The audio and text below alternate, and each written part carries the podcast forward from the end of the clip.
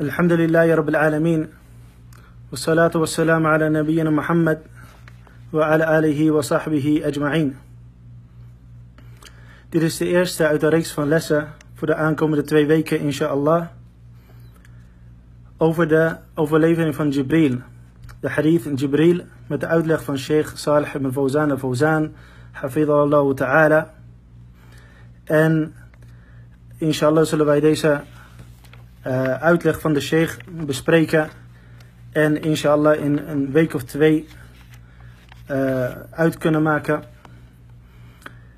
En ik denk dat we nog wel een week of twee in de lockdown hier zitten.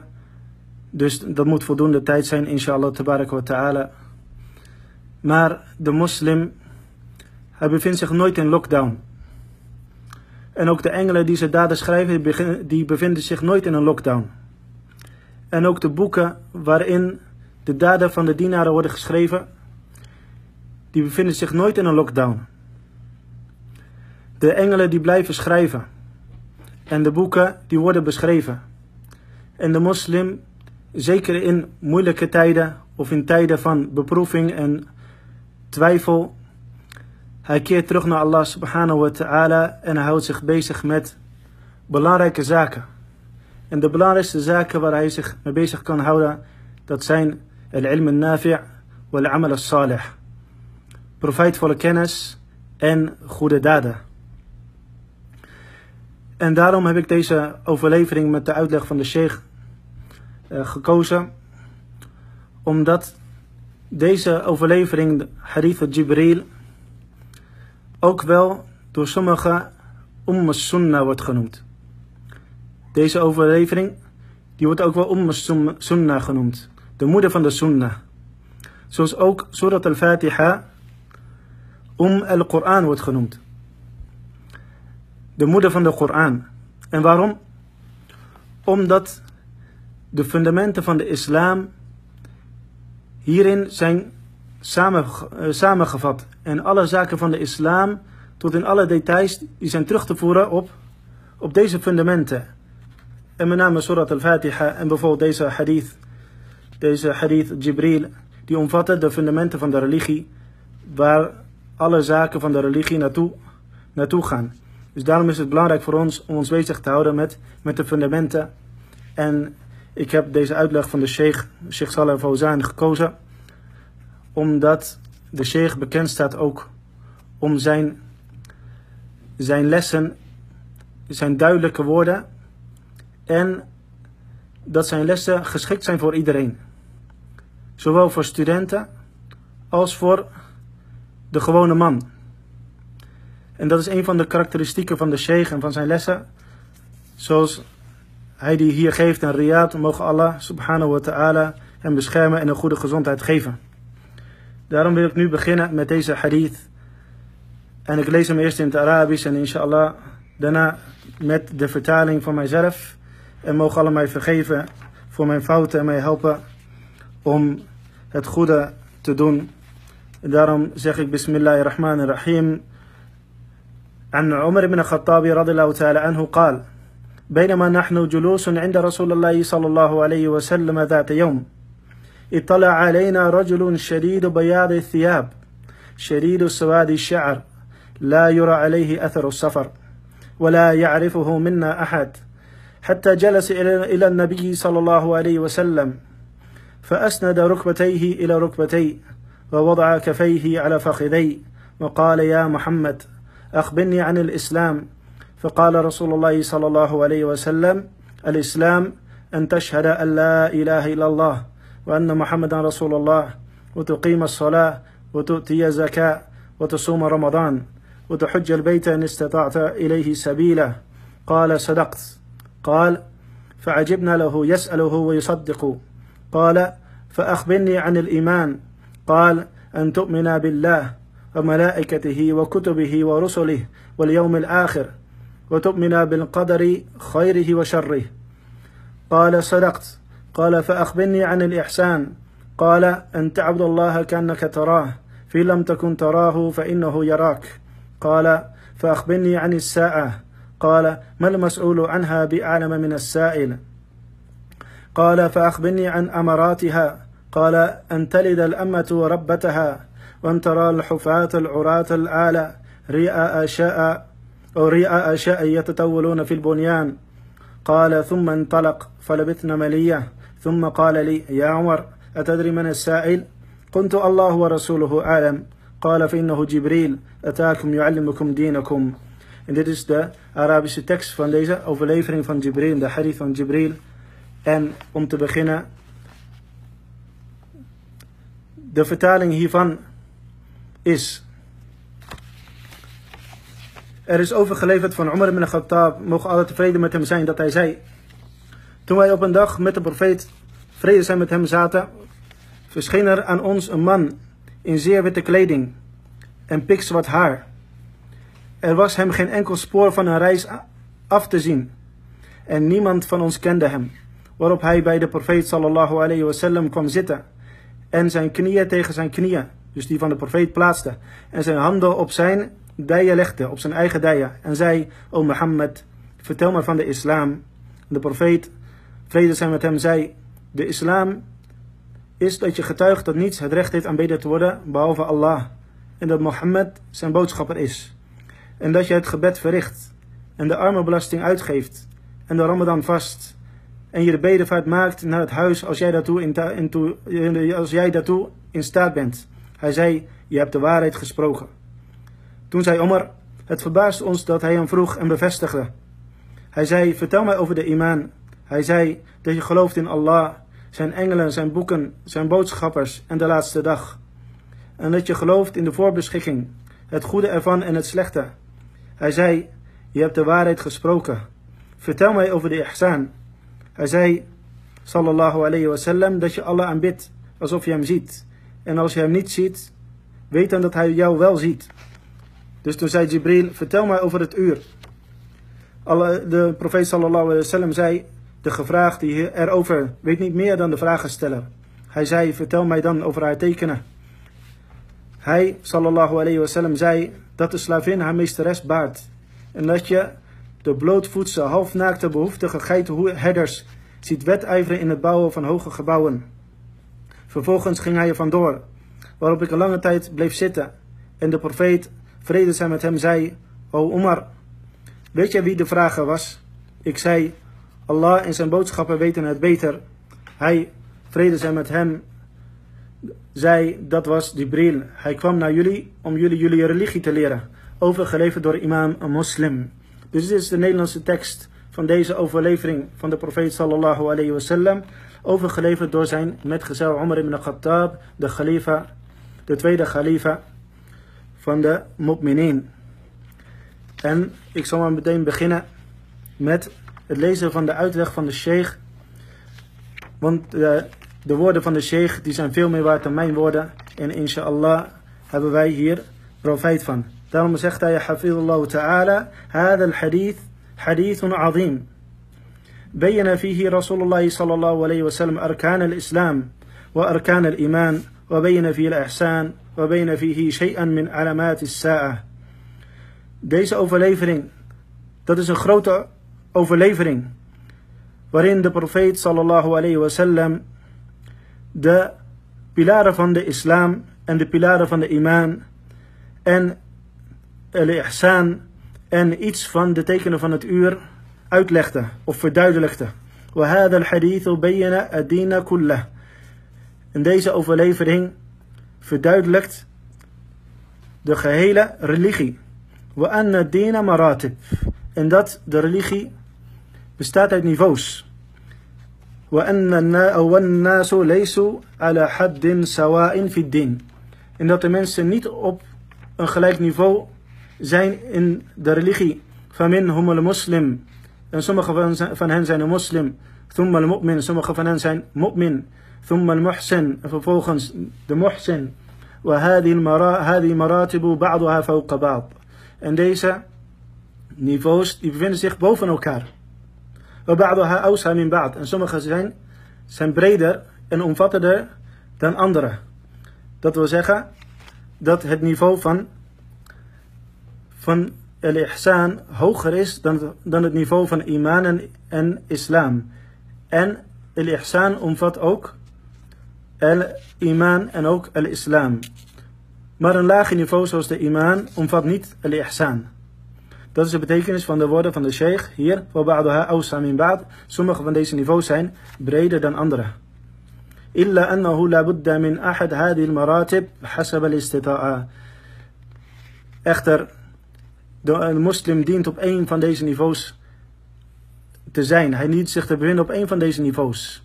Iemand die geen moslim is, hij bevindt zich sowieso niet in de islam. Dus iemand die bevindt zich niet op, de, op het niveau van de islam, dan bevindt hij zich buiten, buiten de islam.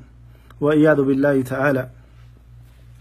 En wat wij hiervan van kunnen leren, dus van het feit dat, het, dat de religie bestaat uit verschillende niveaus. Het niveau van de islam, het niveau van el-iman, het niveau van el-ihsan. In deze volgorde. Het laagste niveau is islam en vervolgens iets hoger is al-iman en vervolgens de staat van perfectie in de religie, dat is al-ihsan. Wat wij daarvan kunnen leren is dat een moslim nooit tevreden is met het niveau waarop hij zich bevindt. De moslim is niet tevreden met zijn niveau. Hij wil zich altijd verbeteren. Hij streeft altijd naar een hoger niveau en een verbetering van zichzelf in de religie en zijn relatie met Allah subhanahu wa ta'ala. Zoals ook een, een sporter of een, een carrièreman zich altijd wil verbeteren en hogere prestaties wil bereiken. Zoals een sporter, hij doet zijn uiterste best om zijn prestaties te verbeteren. Hij volgt een bepaald dieet. Hij volgt een bepaald trainingsprogramma. Hij traint bepaalde spieren. Hij doet bepaalde oefeningen. Duizenden of tienduizenden of honderdduizenden keren. Opnieuw en opnieuw en opnieuw. Tot hij deze staat van perfectie heeft. Of dat hij zijn, het maximaal uit zijn, uit, uit zijn mogelijkheden heeft gehaald. En zo ook de mu'min, de moslim. Hij neemt geen genoegen met, met het niveau waarop hij zich bevindt. En de moslim die kent dus geen, geen zesjescultuur zoals we, zoals dat noemen. De moslim die streeft altijd naar, naar tienen. En we weten van onszelf natuurlijk dat we geen tienen kunnen halen. En dat het heel moeilijk is om, om je niveau te behouden. Want er zijn dagen waarop je sterker bent en waarop je een hogere of een sterker gevoel van religie hebt of een sterker, een sterker geloof en dagen waarop je wat minder bent. Maar de moslim met het besef dat hij tekort komt, streeft hij altijd naar een hoger niveau. En dit hogere niveau, dus van de islam naar de, naar de iman en van de iman naar de ihsan, naar de perfectie, dat kun je niet bereiken behalve met, met twee zaken, zoals ook de sporter zelf. Dat zijn al-ilm al-nafi' wal-amal al-salih. Profijtvolle kennis en goede daden. Dit zijn de twee zaak waarmee je van het ene niveau naar het andere niveau kunt, kunt komen. Zoals ook een sporter, hij kent zijn dieet, hij kent bepaalde oefeningen, dat is een kennis. Hij kijkt naar zijn tekortkoming en probeert dat te verbeteren. En vervolgens brengt hij deze in de praktijk door dit te trainen en dit toe te passen. En zo ook de moslim. Hij kijkt naar zijn tekortkomingen.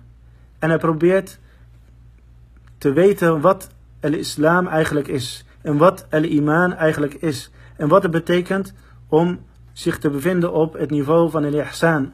En hoe je daar kunt komen. En wat de, de obstakels zijn op de weg van het ene niveau naar het andere niveau. En dat, dat is kennis. En deze kennis die komt niet in een dag en een nacht. Deze kennis komt over de jaren. En deze kennis moet telkens weer ververst worden. En ook deze daden, die moeten opnieuw en opnieuw en opnieuw verricht worden. Want soms komt er iets tussen of soms zijn we vergeetachtig of soms zijn we gewoon niet in staat of lui. Maar als we dat doorhebben, dan keren we terug naar onszelf en kijken naar onszelf. En gaan we weer op weg om dat hogere niveau te bereiken. En inshallah mogen Allah subhanahu wa ta'ala ons helpen om ons te verheffen naar het hoogste niveau, het niveau van al-ihsan. Innahu waliyu dhalika wa qadiru alayh. Vervolgens zegt de sheikh, hafidullah ta'ala, بينما نحن جلوس عند النبي صلى الله عليه وسلم قوله dus het, de, de woorden van Umar radiallahu ta'ala an dat hij zei بينما نحن جلوس عند النبي صلى الله عليه وسلم toen wij op een met de profeet sallallahu alayhi wasallam of bij de profeet sallallahu alayhi wasallam فقد كان الصحابة رضي الله عنهم من عادتهم أنهم يجلسون إلى النبي صلى الله عليه وسلم يتعلمون منه ويسترشدون منه ويسألونه عن أمور دينهم ودنياهم De metgezellen van de profeet sallallahu alayhi wasallam waren gewoon te zitten met de profeet sallallahu alayhi wasallam. En zij zaten met hem om te leren. Ze zaten en zij leerden van de profeet sallallahu alayhi wasallam en ze vroegen hem om leiding. En ze vroegen hem om over zaken in hun, in hun wereldse zaken. En ook over hun religieuze zaken. Ze vroegen over zaken van de religie en ze zij vroegen aan de, nabi, aan de profeet sallallahu alayhi wasallam over hun, ook over hun wereldse zaken. وفي جلسة من جلساتهم مع النبي صلى الله عليه وسلم دخل عليهم رجل في سورة عجيبة. En op een dag in een van hun zittingen met de profeet sallallahu alayhi wasallam kwam er een man naar hen in een ongewone en verbazingwekkende toestand of een vertoning, een verschijning. Een verbazingwekkende verschijning. Lem yakunu ya'lafuna. Lem yakunu ya'lafunaha. Dus ze kenden deze verschijning niet. Het was ongewoon voor hen en ze verbaasden zich erover. Kama zoals Omar zei, ittala alayna rajulun shadidun bayadi thiyab. Shadidu, oh, rajulun shadidu bayadi thiyab, shadidu sawa'di shi'r, la yura alayhi atharu safar, wa la ya'rifuhu minna ahad. Waarop er een man aan ons verscheen in zeer witte kleding en met zeer of pikzwart haar La yura alayhi atharu safar en hem was geen teken van reis of van een reis aan te zien. Wala ya'rifu minna ahad en niemand van ons kende hem. Waarop de sheikh hafidullah ta'ala zegt Fahada min al-ajaib. Dit is van een van de verbazingwekkende zaken. لأنه لو كان من أهل بلد لعرفوه want als hij iemand was van, van hun eigen land, dan hadden ze hem wel gekend. Fadalla ala annahu min kharaj al Dus dit duidt erop dat hij, deze man die dan kwam, van buiten, van buiten hun land kwam of buiten hun, hun stad. Walakin lezen alayhi atharu safar. Maar er was aan hem niets af te zien dat hij een reiziger was. La yura alayhi atharu safar. Er was geen teken van een reis hem af te zien. لأن العادة أن المسافر يكون شعثا أشعث أغبر كما في الحديث want het is gewoonlijk dat een reiziger er een beetje slonzig uitziet of niet netjes uitziet. Zijn haar zit in de war en hij zit onder het stof. Kama fil hadith, zo is het overgeleverd in een, in een andere hadith. لأن السفر يقتضي أن الإنسان لا يعتني بنفسه أو بهندامه أو بجسمه want een van de zaken die gebeuren wanneer iemand op reis is, is dat hij, dat hij niet zoveel aandacht heeft voor zijn, voor zijn uiterlijk. En voor zijn, zijn kleding en voor zijn, zijn lichaam. فهذا الرجل ليس غريبا وليس مواطنا. Deze persoon, hij was geen, geen vreemdeling. En hij was ook geen, geen ingezetene van hun, van hun plaats. لأنه لا يظهر عليه علامات السفر. Want zij zagen, of er waren geen tekenen van, van de reis hem af te zien. En hij was geen ingezetene. Die annahum la yarifunahu. Want ze kenden hem niet. Als ze hem hadden gekend, dan wisten ze wie hij was. En als het een vreemdeling was, dan zag hij eruit als een reiziger. Een beetje met reiskleding dus onder het stof. Niet zo netjes. Zijn haar zat ongekamd, ongeschoren. Zoals we allemaal een reiziger kennen. En zoals wij allemaal zelf ook tijdens onze reizen. Uh, toch wat minder met ons uiterlijk bezig zijn. وتبين في أخير أن هذا الرجل هو جبريل عليه السلام أتى بهذه السورة En het wordt duidelijk aan het einde van, van deze hadith dat de persoon die kwam naar deze zitting van de profeet sallallahu alayhi wa sallam en zijn metgezellen, dat dit Jibril was, de engel Jibril. In het Nederlands uh, ook wel Gabriel genoemd. En in het Engels Gabriel, de engel van Allah subhanahu wa ta'ala. Een hele nobele engel, zoals zal blijken uit de komende uh, uitleg van de sheikh. حفظ الله تعالى وطال في عمري على طاعة وكان جبريل عليه السلام يأتي إلى النبي صلى الله عليه وسلم في غالب في الغالب في سورة الرجل de engel Jibril, hij kwam naar de profeet sallallahu alaihi wasallam over het algemeen in de gedaante van, van een man, in een menselijke gedaante. لأن بني آدم لا يستطيعون رؤية الملك على خلقته الملكية. Want de kinderen van Adam, de mensen, die zijn niet in staat om de engelen te zien. Of om de engel te zien in zijn, in zijn ware, ware gedaante als zijnde engel. فكان يأتي في صورة رجل حتى لا ينفر الناس منه. Dus hij kwam in deze verschijning van een man, zodat zij niet zouden wegvluchten van, van, deze, van deze engel. ولا يستوحشون منه. En zij geen, geen angst van hem zouden hebben. hebben. وهذا هو الغالب. En dat was over het algemeen dat de engel Jibril naar de profeet sallallahu alayhi wa sallam kwam in deze, in deze gedaante. لأن لأن الملائكة لا تظهر لبني آدم في صورتها الحقيقية إلا عند نزول الموت أو العذاب. Want de engelen die verschijnen niet aan de kinderen van Adam, aan de mens, in hun ware gedaante, als zijn de engel. Illa in de nuzul al-maut, behalve wanneer de, de dood neerdaalt op iemand, أو العذاب, de bestraffing van Allah subhanahu wa ta'ala, فإذا نزل الموت على العذاب ويعد بالله ظهرت ملائكته على صورتها want als de dood komt of de bestraffing van Allah subhanahu wa ta'ala wa iyadu billah ظهر الملائكة الملائكة على صورتها verschijnen de engelen in een ware in een ware gedaante zoals Allah subhanahu wa ta'ala zegt يوم يرون الملائكة لا بشرى يومئذ للمجرمين zoals in de Koran Allah subhanahu wa ta'ala zegt En op die dag zien zij de engelen. En op die dag, la bushra, geen blijde tijdingen voor de, de overtreders en de misdadigers. Dat is op de dag, de dag van de bestraffing. Dan zien zij de engelen in hun ware gedaante. La bushra yawma idin lil mujrimin. En er zijn geen blijde tijdingen voor de mujrimin, voor de misdadigers en de overtreders.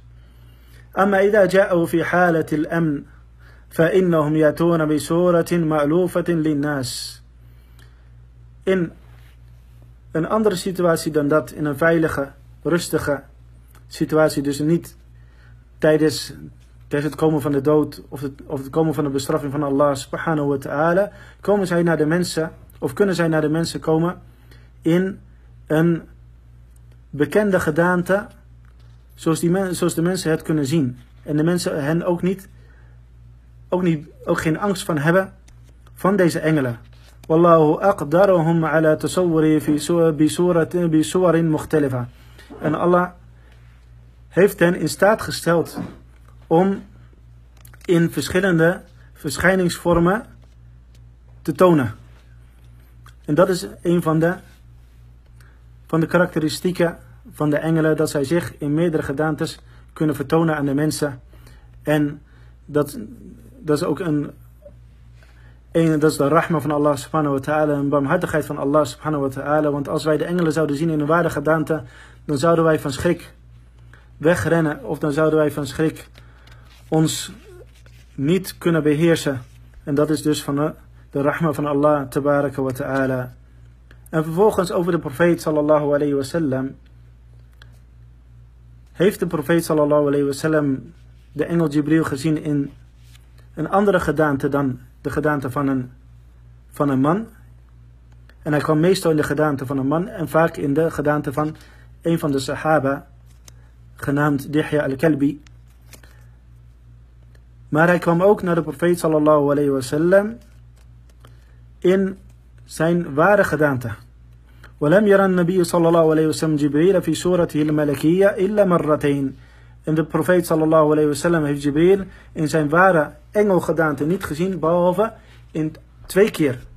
Slechts tweemaal heeft de profeet sallallahu alayhi wasallam de engel Jibril gezien in zijn ware gedaante als engel. En marratul ula, de eerste keer dat is, fi Batha Mekka. In Batha Mekka, een plaats in Mekka, het lagere gedeelte, حينما اشتد به الكرب من أذى قومه. Toen de, toen de, de toestand van de, van de van de, van de moslims in Mekka, in een zorgwekkende toestand was. Eh, en zij werden, zij werden gemarteld en lastiggevallen door, door komen Quraysh, door Kufara Quraysh, de ongelovigen van, van, de, van de stam van Quraysh. En zij vielen ook de profeet sallallahu alayhi wa sallam lastig en ze probeerden zijn dawa te verhinderen. Vervolgens zag de profeet sallallahu alayhi wa sallam Jibril fi al-ufuqi ala suratihi al-malakiyya. جاء يطمئنه أو يطمئنه يطمئنه ويصبره على ما يلقى. Hij kwam of hij zag de, zag de engel Jibril aan de horizon in zijn echte gedaante om hem gerust te stellen en hem geduldig te, te, laten zijn of hem aan te sporen om geduldig te zijn. Ma yalqa. Wat hij, wat hij van de, de mensen van, van zijn volk, de ongeloof van zijn volk, aan, aan hinder en aan, uh, en aan, aan hinder ondervond. En de tweede, de tweede keer dat hij de profeet, dat de profeet sallallahu alaihi wasallam Jibril zag, dat was in de tijd, wara Jibril fi surat al-Malakiyya laylat al-Mi'raj. Dat was tijdens een nachtreis. In de Sirat al-Muntaha.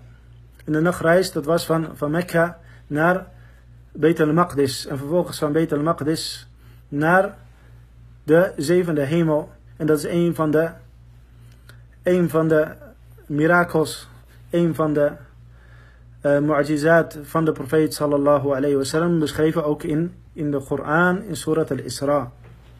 En hij zag Jibril bij Sidrat al-Muntaha. En dat is een lotusboom in het hoogste gedeelte van, van de hemel.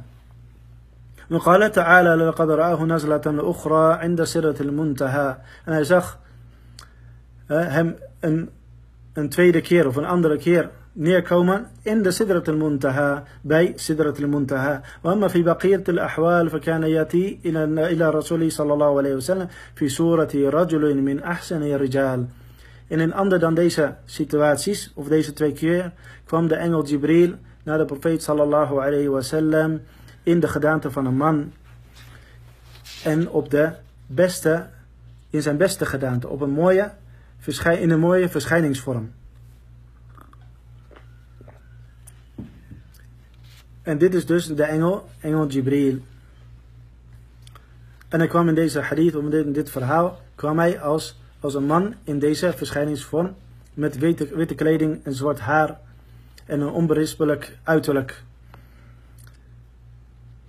قوله volgens شديد بياض الثياب in de hadith in zeer witte kleding. Dus Jibril kwam naar de profeet sallallahu alayhi wasallam en zijn sahaba toen zij zaten in, zijn, in hun zitting.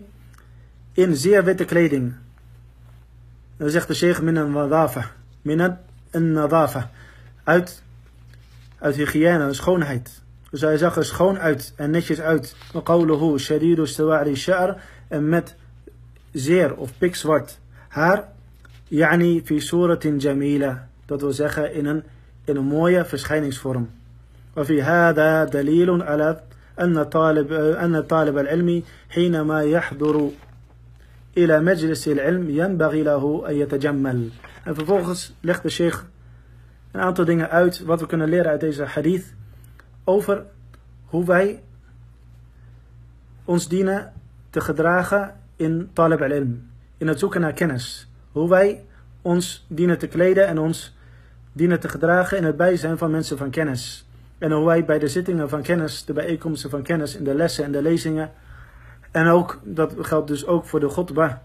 Wallahu alam, dat wij in onze beste kleding komen en op de beste wijze. En dat wij ook op een nette wijze gaan zitten. En dat kunnen we allemaal leren uit deze hadith van Jibril, hoe hij naar de profeet sallallahu alaihi wasallam in zijn zitting kwam.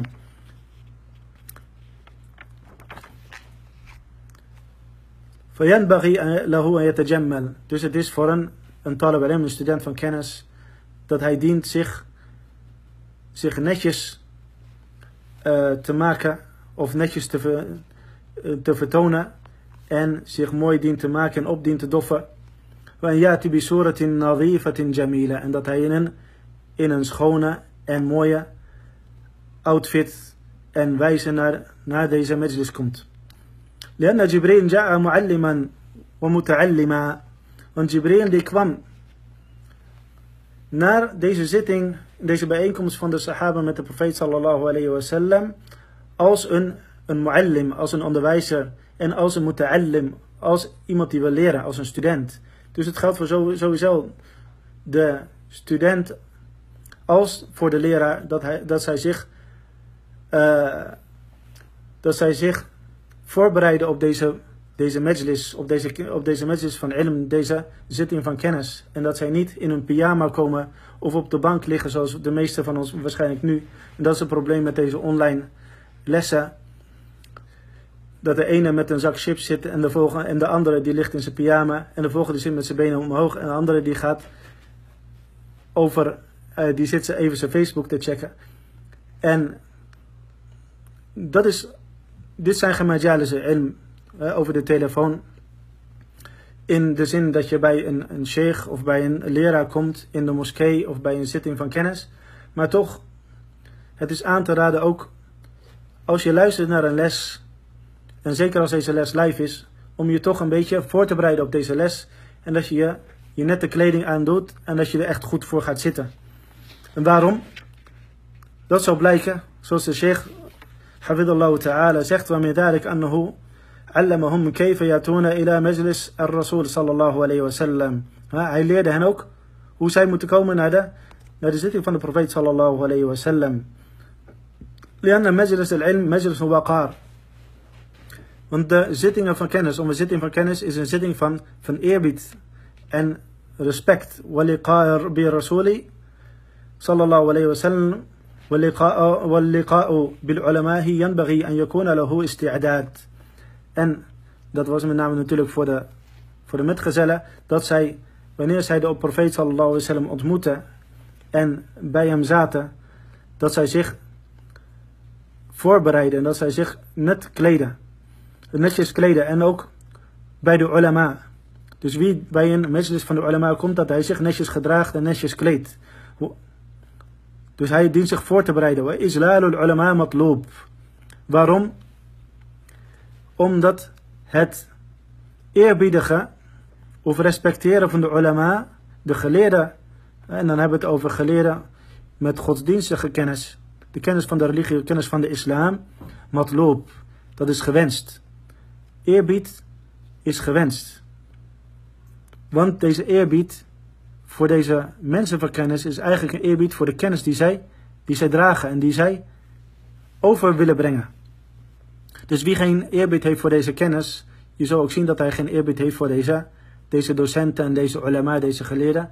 En andersom, degene die geen eerbied hebben voor de ulama en de geleerden, en met name de grote geleerden, de, mensen die bekend staan om hun kennis en bekend staan om uh, een lange weg in het onderwijzen en studeren en het uitnodigen naar Allah subhanahu wa ta'ala, dat wie deze niet respecteert, je zal zien dat hij eigenlijk ook geen eerbied heeft voor de islamitische kennis.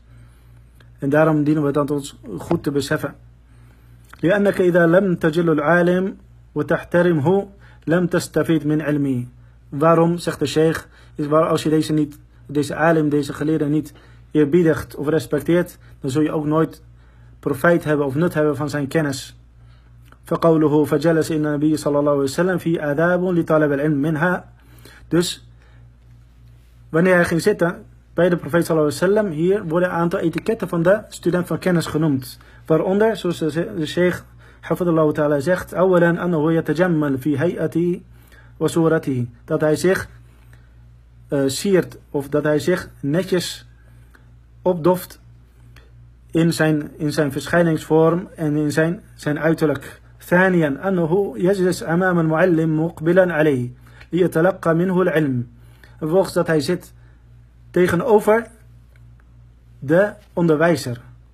Zodat hij, hè, hij kijkt hem aan, hij ziet de, ziet de onderwijzer.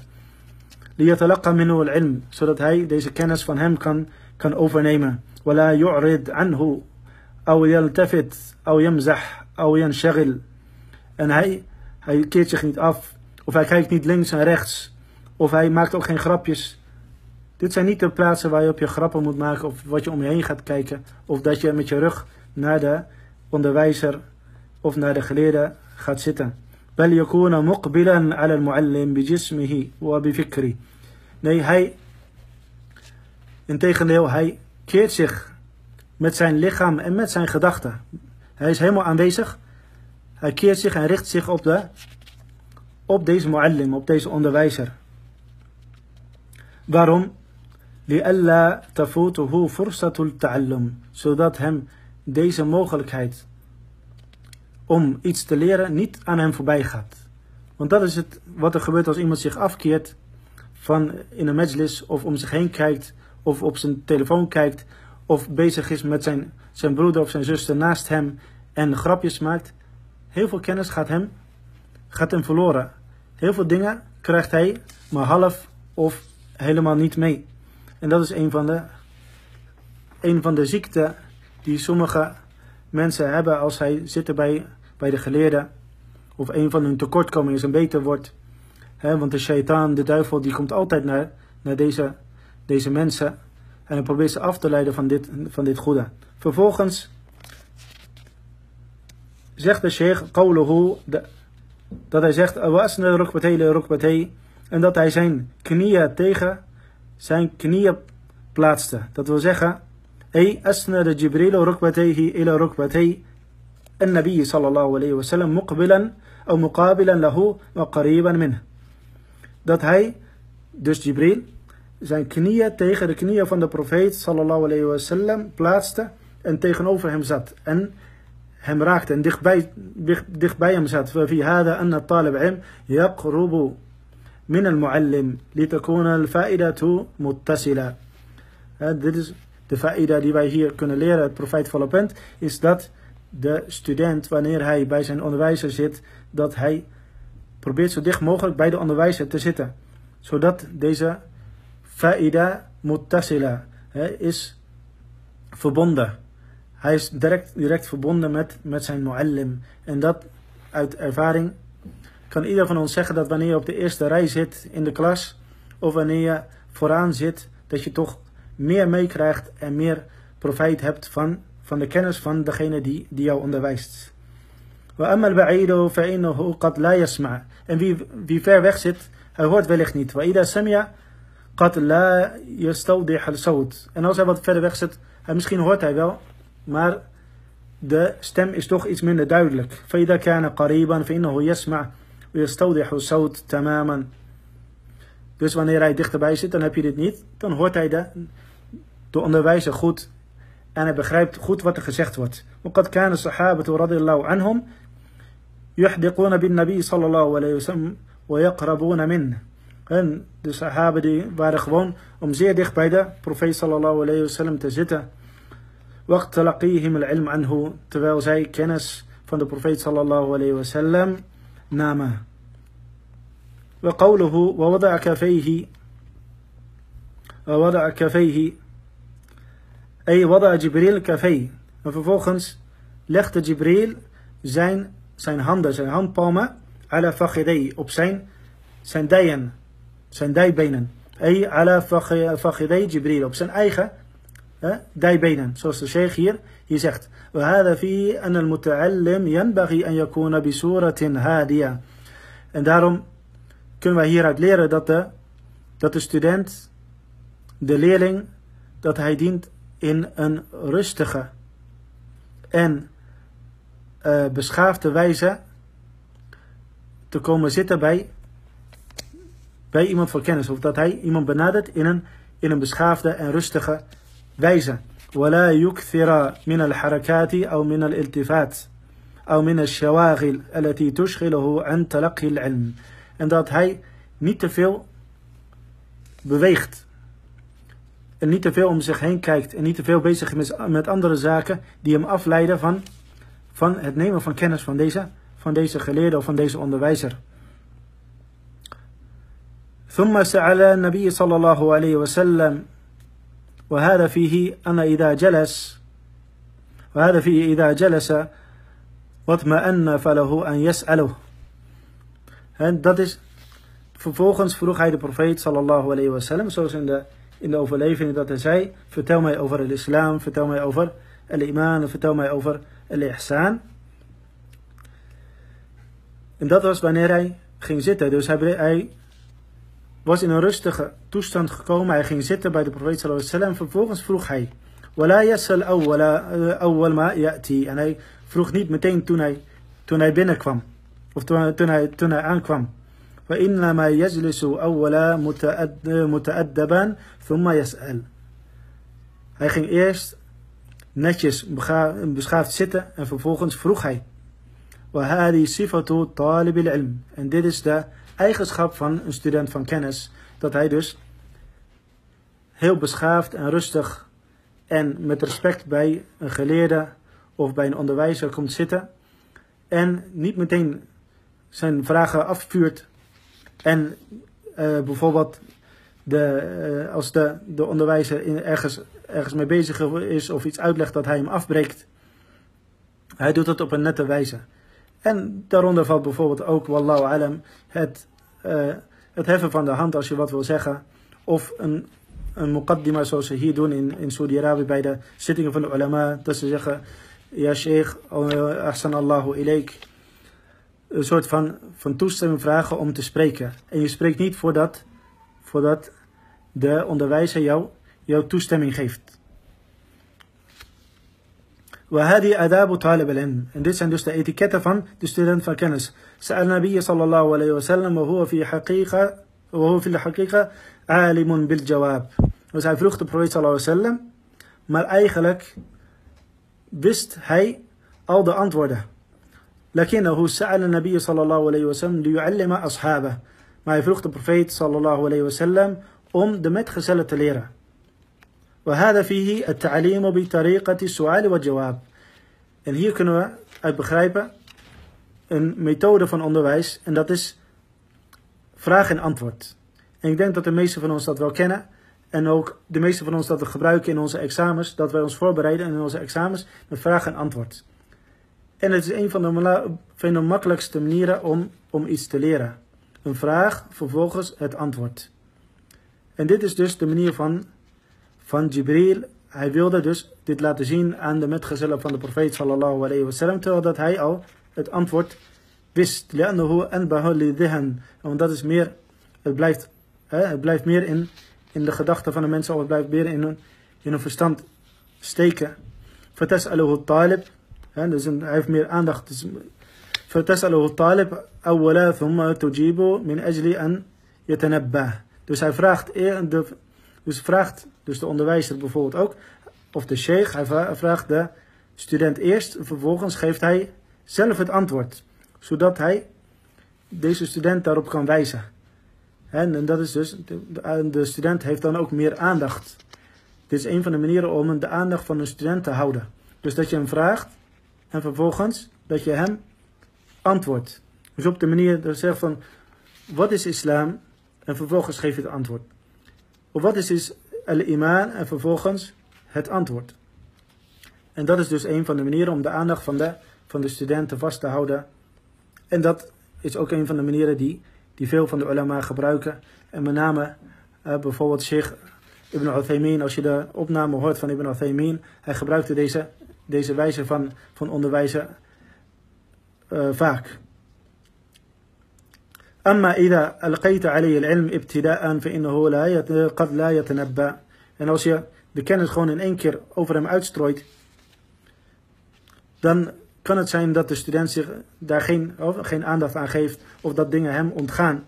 فمن فمن طرق تعليم العلم النافع السؤال والجواب. Dus een van de methoden in het onderwijzen van profijtvolle kennis is het gebruiken van het wa jawab, antwoord en uh, van vraag en antwoord. En dit zijn dus een van de dingen die we kunnen leren uit de muqaddima, uit de, eerste regels, de inleiding van deze, van deze hadith. En om samen te vatten, want we zijn tegen het einde van deze les, dat deze hadith, deze overleving van de profeet sallallahu alayhi wasallam omvat de hele religie en hij wordt ook wel Umm Sunnah genoemd, de moeder van de Sunnah, want hij behandelt de fundamenten van de religie en alle zaken, de kleinere zaken, de details van de religie gaan allemaal terug op deze fundamenten. En we hebben geleerd dat de religie ook bestaat uit niveaus en dat wij geen genoegen nemen met het lagere niveau en dat wij proberen altijd naar een hoger niveau te gaan en beter te presteren. En daarvoor hebben wij kennis nodig en goede daden, dus het handelen naar deze kennis. En vervolgens hebben we iets geleerd over de engel Jibril, hoe hij eruit zag en hoe hij kwam bij de profeet sallallahu alayhi wasallam. En hij is de engel van de openbaring. Hij kwam met de openbaring naar de profeet sallallahu alayhi wasallam en naar alle profeten alayhi salatu wassalam. En vervolgens hebben we iets geleerd over de etiketten van de student van kennis en de leerling die zit in de, in de zittingen, in de bijeenkomsten van kennis. Dat hij komt op de beste wijze en dat hij zich netjes kleedt en zich beschaafd gedraagt tegenover de, de onderwijzer. En we hebben iets geleerd over de manier waarop hij, waarop hij zit. En een van de manieren om mensen te onderwijzen, de methode, de lesmethodes is bijvoorbeeld om eerst te vragen en vervolgens te antwoorden. De lesmethode van vraag en antwoord. Dit zijn de verwijt, de profeetvolle punten uit deze eerste les.